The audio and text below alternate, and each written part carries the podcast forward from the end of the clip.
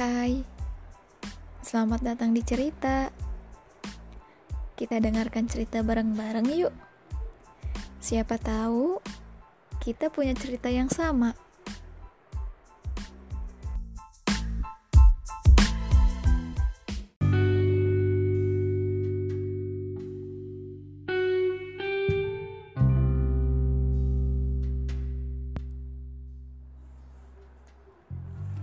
Katanya, pekerjaan yang paling sia-sia di muka bumi adalah menasehati orang yang sedang jatuh cinta. Hmm, dan sepertinya aku setuju dengan hal itu. Cinta seperti apa sebenarnya yang membuat manusia hingga buta dan tuli? Apakah berjuang sendirian dalam mempertahankan sebuah hubungan disebut cinta? Apakah terus-menerus dihianati juga termasuk cinta? Ayolah, jangan bodoh. Jangan menutup mata dan telinga atas semua kesalahan yang ada.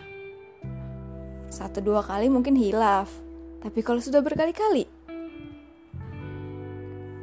Tapi dia mau berubah kok. Ah setiap dia ngelakuin kesalahan setelah minta maaf selalu bilang begitu.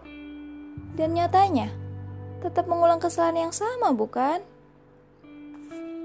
Tapi hubungan kita sudah berjalan tiga tahun. Masa harus putus sih? Daripada terus-terusan gak bahagia, nanti kalau makin lama, makin sulit buat melepaskan.